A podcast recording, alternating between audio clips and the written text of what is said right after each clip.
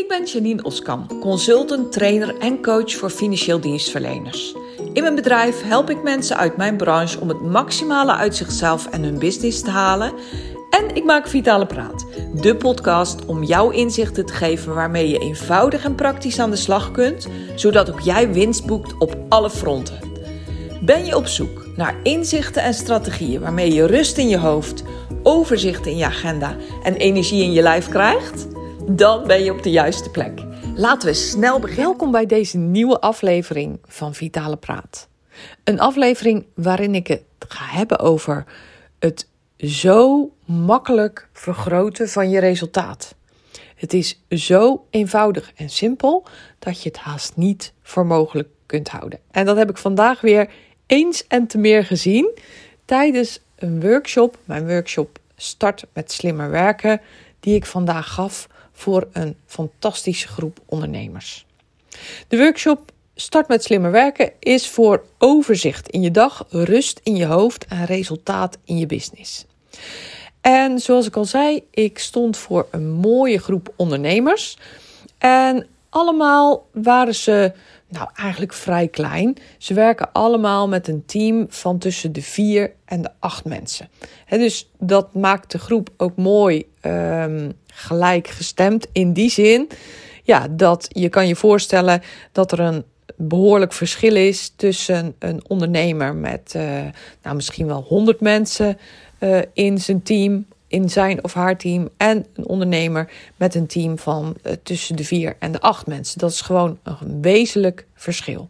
Dus dan is het heel erg fijn dat je inderdaad een beetje een, een gelijke groep ondernemers hebt. En dat was vandaag het geval.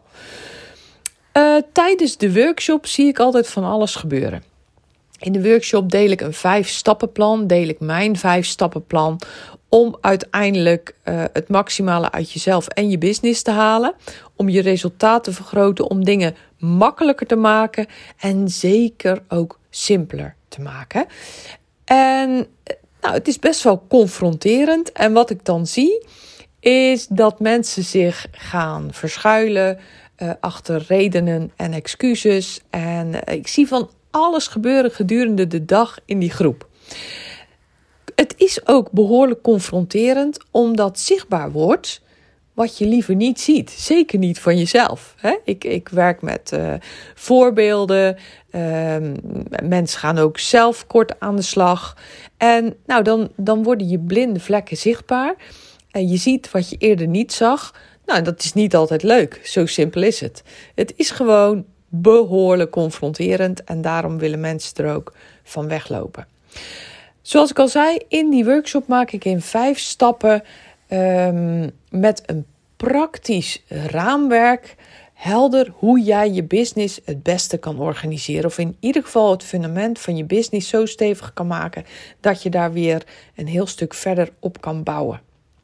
Nou, en uh, in deze podcast neem ik je mee in de stappen en uh, vertel ik ook vooral, laat ik je vooral zien waar mensen dan tegenaan lopen. En laat ik je ook vooral zien hoe het komt dat meer resultaat zo ongelooflijk simpel is. In de eerste stap van de workshop gaan we altijd kijken van hey, waar zit nou precies de stress bij jou of waar zit stress en of druk in jou of in jouw organisatie. En dan is het interessant om te bekijken wat is nou precies stress? Hè, wat is stress? Nou, uh, een mooie omschrijving die heel erg duidelijk maakt wat het is, is dingen die niet lopen zoals jij graag wil. En dat is een hele brede omschrijving, natuurlijk ook wel een beetje een vage, maar het zegt eigenlijk vrij duidelijk wat het is. Dingen die niet lopen zoals jij graag wil. Nou, en uh, ik heb daar ook wel een heel concreet voorbeeld bij. Want uh, als je me al langer volgt, dan heb je me dit ook al vaker horen vertellen. Het verhaal van uh, Rien en mij. Rien is mijn man, mijn privé- en zakenpartner. En wij hebben samen een assurantiekantoor. Een succesvol assurantiekantoor. En op dit moment um, zitten wij niet samen meer in de operatie, zoals dat dan mooi heet. Want ik ben eigenlijk voor 90% werkzaam in mijn bedrijf, waar ik mensen slimmer leer werken, waar ik mensen leer het maximaal uit zichzelf en hun business te halen. Rien, die uh, werkt in ons assurantiekantoor met heel veel plezier en heel veel resultaat. Veel meer dan het geval was toen wij nog samen in die business aan het werk waren. En hoe kwam dat? Nou, omdat we allebei ongelooflijk veel stress hadden van het tegenwerken van elkaar. En ik zal je kort uh, schetsen hoe dat in elkaar zat. Rien is een echte vakman. En Rien die werkt heel graag in een klein bedrijf. In ieder geval klein in de zin van niet te veel mensen om hem heen. In ieder geval geen mensen hoeven managen. En omdat hij zo'n goede vakman is, is hij het allerliefst bezig met zijn vak. Ik daarentegen vind managen heel erg leuk. Ik vind het fantastisch om een business te organiseren. Dat is ook managen. En om dingen op poten te zetten, om mensen uh, te motiveren om de juiste dingen te doen, enzovoorts. Ga zo maar door, ga zo maar verder. Nou, op enig moment hadden wij een uh, kantoor waar acht mensen werkten, inclusief onszelf. En nou, laat ik het zo zeggen, dat stond lijnrecht tegenover Riens ambities. Want hij vindt het namelijk helemaal niet fijn om mensen om zich heen te hebben. En dat was natuurlijk wel het geval. Uh, lang verhaal kort. Na behoorlijk wat krachtige keuzes hebben wij ontdekt wat de sleutel is voor ons. De successleutel is voor ons. En dat is een klein bedrijf waarin Rien werkt, nog steeds met een team. Maar um, een, een team van mensen waar wij werk aan hebben uitbesteed. Dus wij hebben hulp, hulp ingeschakeld van externe partijen, waar wij werk aan uitbesteden. En wat maakt dat ons bedrijf heel veel succesvoller is geworden, zelfs nog. Uh, en wat ook maakt dat Rien de vrijheid heeft die hij zo verlangt. Uh, die mensen werken op afstand voor ons. Nou, dat is natuurlijk een groot voordeel van de huidige tijd. En um, ik heb één keer in de twee weken werkoverleg met ons externe team. En zo kunnen we het ook allemaal heel goed managen op afstand. Dit is voor ons een succesvolle sleutel en heeft gemaakt dat zowel voor Rien als voor mij de stress echt maximaal is gereduceerd. Want dingen lopen weer zoals wij ze graag willen.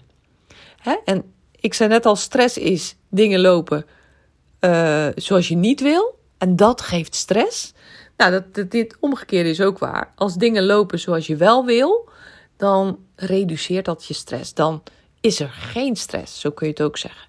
Nou, anderzijds werk ik natuurlijk uh, in mijn bedrijf waarin ik mensen help uit mijn branche. En dat maakt mij blij en gelukkig, want in die hoedanigheid, in die positie, in die rol, kan ik juist weer heel veel managen. Dus naast het managen van ons eigen uh, mensen, manage ik nu ook de bedrijven van anderen. Geef ik anderen uh, advies, begeleid ik ze, coach ik ze, train ik teams en doe ik datgene wat ik het allerliefste doe. Hoe mooi is dat? Um, nu is natuurlijk voor iedereen anders waar de stress zit. De stress kan ook zitten in uh, een veel te volle agenda of veel te veel taken op je bord. Stress kan ook zitten in uh, klanten die je helemaal niet leuk vindt. Moet dat dan? Moet ik alleen maar klanten hebben die leuk zijn? Nee, niet per se. Maar het is wel zo fijn dat jij ook klanten hebt die bij jou passen. En vandaag had ik ook twee ondernemers die in een hele mooie niche zitten. En een niche is, is eigenlijk een heel smal gebied uh, waar jij je klanten bedient. En hoe mooi is het dat jij juist op die manier een specialist kunt zijn. Dus ik vond dit ook weer een prachtig voorbeeld van twee mensen, twee ondernemers die hebben gekozen voor een niche. Waarin ze zichzelf onderscheiden, waarin ze echt specialist zijn geworden. Uh, waardoor ze ook een hele mooie markt kunnen bedienen. Dus nou goed, ook, ook dat kan een vorm van stress zijn. Hè? Dat je niet bezig bent met de klanten uh, waar jij blij van wordt. Nou, de tweede stap in de workshop is: doe de goede dingen op het goede moment. Nou, dat is ook weer iets heel simpels, hè? Maar toch zit het ingewikkelder in elkaar dan je denkt. En uh, nou, dat bleek ook wel uit het verhaal van Hilde. Hilde was, uh, is een ondernemer die er vandaag ook bij was. En uh, bij Hilde bleek dat ze veel te veel dingen zelf doet. Hilde heeft een team met, dan moet ik even nadenken, een team van vijf mensen. En um, ze vertelde ook van, ja, ja, nu ik er zo bij stilsta, uh, doe ik heel veel dingen zelf. Want ik denk vaak, nou, dat doe ik wel even, is zo gebeurd. Even een rekeningnummertje wijzigen van een uh, klant. Nou, dat kan ik toch net zo goed zelf even regelen. Want hoeveel werk is dat nou? Maar als je natuurlijk al die kleine dingetjes bij elkaar optelt, dan heb je toch behoorlijk wat uh, tijd hier aan besteed. En op een dag zal dat wel meevallen. Maar als je het over een heel jaar bekijkt, dan zijn dat behoorlijk wat kwartiertjes die daaraan opgaan, toch? En wat zou je kunnen doen in die tijd als je ervoor zou kiezen om dat door iemand anders te laten doen? Dus, um, nou, wat zij eigenlijk inzag, haar inzicht was van ja, ik zie er dan wel tegenop om het uit te besteden aan een collega. Want dan denk ik, ja, dan moet ik weer uitleggen, dan moet ik weer een mailtje sturen, moet ik dit en moet ik dat. En um, nou, hup, ik heb het ook zo gedaan. Maar in ieder geval kost dat delegeren in dit geval minder tijd dan wanneer je het zelf doet. En nou, een, een andere manier zou kunnen zijn He, dan kwamen we in de loop van de dag kwamen we langs heel veel dingen die Hilde allemaal zelf doet. En die ze ook hartstikke goed kan, hè, want dat is geen issue. Vaak kan je het zelf namelijk, en dat vind je in ieder geval zelf het allerbeste. Maar dat wil niet zeggen dat een ander het niet net zo effectief kan doen. He, niet net zo goed. En uh, nou, zo kwamen we ook nog op een aantal andere voorbeelden die ze ook heel goed zou kunnen delegeren of uitbesteden. Want op een gegeven moment kwamen we dan op het punt dat ze zei van ja, maar ja, goed, mijn ondersteuner die zit op een gegeven moment ook vol. Ja, dat is natuurlijk ook zo. En als jij in de tijd die je daarmee bespaart uh, belangrijkere dingen kunt doen die ook nog resultaat opleveren, uh, dan is het toch heel erg het overwegen waard. Maar wat moet je dan als je zover bent dat je ondersteuner vol zit in dit geval en er toch nog werk overblijft? Nou, dan is het tegenwoordig een prachtige manier om dat uit te besteden aan een externe partij, zoals ook wij doen. Hè? Zoals ik je net vertelde um, in het voorbeeld van Rina Meij. En tegenwoordig kan je uh, zaken uitbesteden die, die uh, zelfs per minuut afgerekend krijgt. Hoe mooi is dat? Want het is natuurlijk niet altijd mogelijk om direct een nieuwe kracht aan te nemen. Buiten het feit dat in deze tegenwoordige tijd ook goede mensen schaars zijn. Hè, zijn moeilijk te vinden. En zeker als je dan een parttimer zoekt, nou ja, zie, zie diegene maar eens te vinden. En dan is het ook nog zo dat, ja, stel je hebt iemand nodig voor één dag. Nou ja, parttimer voor een dag, dat is bijna utopia. Hè? Dat, dat zou je wel willen. Maar die is natuurlijk helemaal als een speld in een hooiberg. Maar besteed je het uit aan een externe partij, ja, dan kan je zelfs uh, volgens mij vanaf uh, eh, 10 uur per maand of iets dergelijks, kan je taken uitbesteden. En dat, dat opent een wereld aan mogelijkheden. Dus daar kwamen we achter bij het verhaal van Hilde. En het gaf haar echt inzicht dat ze zei: Jongen, jongen, jongen. Um, handen jeuken om dit inderdaad in de stijgers te gaan zetten. Zodat ik gewoon toekom aan, aan meer klanten bedienen. Ze zei: Want heel eerlijk gezegd, uh, wijs ik nu ook wel eens klanten af. Omdat ik er gewoonweg niet de tijd en de plaats voor heb in mijn agenda. Om die klanten, om die nieuwe klanten ook te bedienen. Dus er ging letterlijk een wereld voor haar open. Nou, en toen kwamen we bij stap, stap 3. Uh, ehm, maak een goede planning. Goede planning maken uh, wordt ongelooflijk ondergewaardeerd. En dat komt omdat we onszelf vaak overschatten. Ja, ook jij overschat jezelf waarschijnlijk. Um, want ja, goed, een goede planning maken maakt dat je je zaken goed structureert en organiseert. En maakt ook dat je overzicht krijgt. En, en daar kwam Joost om de hoek, een andere ondernemer. En die zei: Nee, dat is niks voor mij. En dat werkt niet voor mij. Ik hou namelijk van flexibiliteit. Want ja, zeg nou zelf, in ons vak hebben we flexibiliteit nodig. En niets is minder waar dan dat. Hè? Als je vaker naar mijn podcast hebt geluisterd, dan weet je ook dat ik altijd zeg: in ons vak is flexibiliteit, in, in onze branche is flexibiliteit hartstikke nodig. Um, maar ik vertel je dat je met het maken van een planning ook flexibel kunt zijn. En dat het een leugen is die je jezelf vertelt dat een planning voor jou niet gaat werken. Maar wat wel aan het licht kwam, en dat was voor Joost ook wel confronterend, is um, dat een planning maken je vaak confronteert met je lange to-do-lijst. Dat een planning maken je vaak confronteert met het niet goed kunnen inschatten van hoeveel tijd een bepaalde taak jou kost. En ja, dan, dan uh, is het de makkelijke weg om te zeggen van nou, ik maak maar geen planning, want dat is niks voor mij en dat werkt niet voor mij. Um, wat, wat ook nog ter tafel kwam en wat ik eigenlijk bij iedere workshop ook hoor, is dat het namelijk best wel moeilijk is om goed in te schatten hoeveel tijd een bepaalde taak je kost. En we zijn van nature geneigd om veel te positief te denken. Positief denken is supergoed, maar om eigenlijk veel te optimistisch te zijn over de tijd die het je kost om een bepaalde taak af te ronden. Ik geef je een voorbeeld. Stel, uh, je wil een advies uitwerken, een offerte maken voor een klant, of een advies uitschrijven in, in hypothekenland, om het maar zo te zeggen. Dan denk je, nou, dat kost me een uurtje. Maar heel eerlijk, ben je er twee uur mee bezig. Ja, en als je dan een uur hebt gepland in je agenda, dan betekent het dat je een uur tekort komt. Oftewel dat je andere taken doorschuiven en dat je aan het eind van de dag een ontevreden gevoel hebt, omdat je je niet aan je planning hebt kunnen houden. Nou, deze daar is een hele mooie remedie voor. En dat is toch een planning gaan maken. En erachter komen hoeveel tijd het je echt kost. Zodat je gewoon steeds die planning kan verbeteren. En wel realistische tijden neerzet voor de taken die je te doen hebt. Dat is het antwoord wat ik daarop geef. En dat, ja, dat is confronterend. Maar um, uiteindelijk geeft het je wel helderheid en overzicht. Toch? Waar of niet?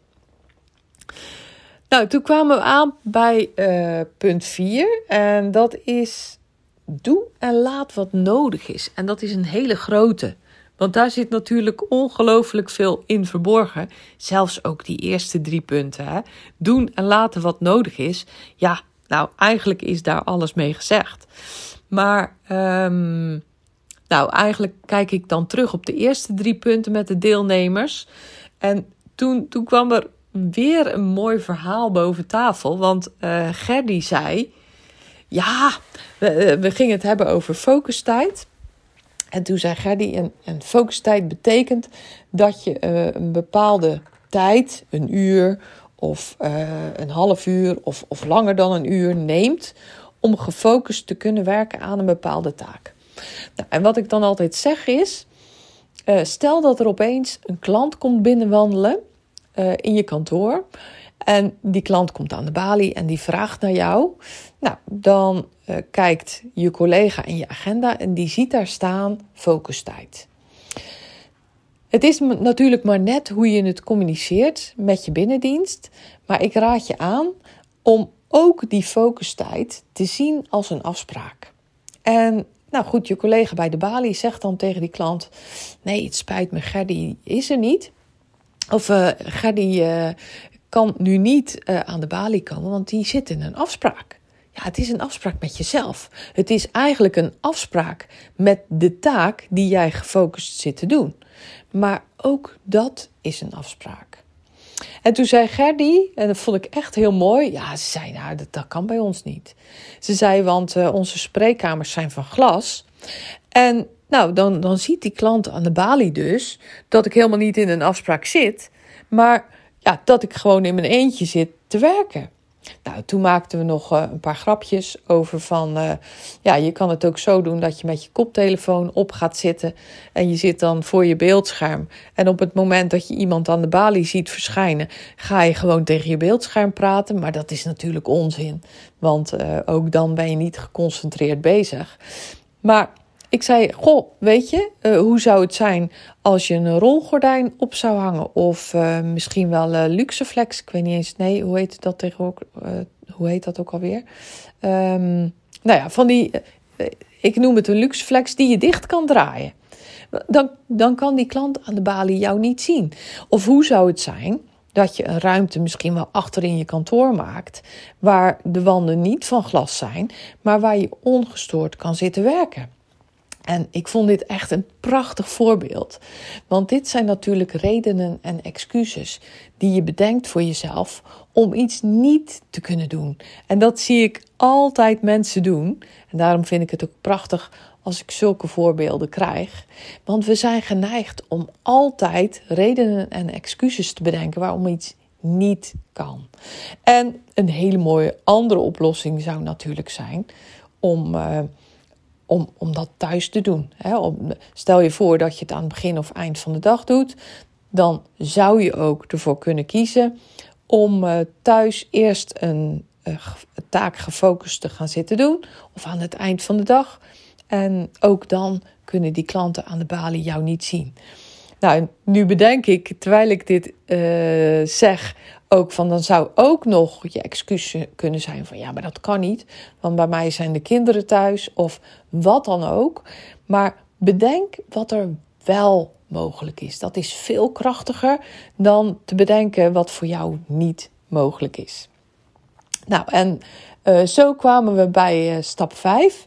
En, en je hoort misschien wel aan mijn stem dat we ook ongelooflijk veel lol hebben gehad. En dat is eigenlijk altijd zo. Als ik met een mooie groep ondernemers in een workshop of uh, in een presentatie zit, uh, die ik trouwens ook uh, interactief maak, want dat vind ik wel zo fijn. En dat is zo'n workshop ook. Want um, ja, steeds komen er natuurlijk dingen aan het licht die, um, ja, die dan wel behoorlijk confronterend zijn. En het mooie is, en dat kreeg ik ook weer terug van mijn deelnemers van vandaag, dat er komt zoveel ter tafel wat eigenlijk voor allemaal geldt. En het is zo een feest der herkenning als je anderen hoort zeggen wat eigenlijk ook voor jou geldt. En steeds hoor ik ook terug dat dat dan ook zo'n opluchting is. Oh, gelukkig. Die anderen zitten met precies de dingen waar ik ook mee zit. En dat is fijn, toch? En dat, uh, ja, dat maakt ook dat het voor mij steeds weer een feest van herkenning is. Want ik krijg eigenlijk telkens terugkerende uh, verhalen, terugkerende excuses en terugkerende redenen waarom iets niet kan. Um, de laatste stap die ik uh, in zo'n workshop doorneem is stop met uitstellen.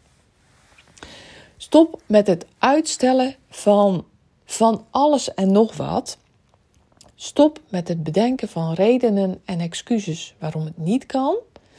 Maar kom in actie en ga doen wat voor jou nodig is om uiteindelijk veel meer uit jezelf en uit die business te halen die je uiteindelijk naar een hoger plan wil trekken. Of tenminste, dat hoeft niet, hoger plan hoeft niet per se groter te zijn. Nee, heel nadrukkelijk zeg ik altijd. Een grote business is niet per se een betere business, maar je kan je bedrijf wel steeds meer en meer uh, maken naar wat voor jou werkt. Wat uiteindelijk voor jou de allerbeste modus is en wat jou past als een maatpak. En hoe heerlijk is het als je uh, klanten hebt waar je helemaal blij van wordt, als je de juiste dingen doet op de juiste tijd, waardoor jij jouw resultaat ziet stijgen.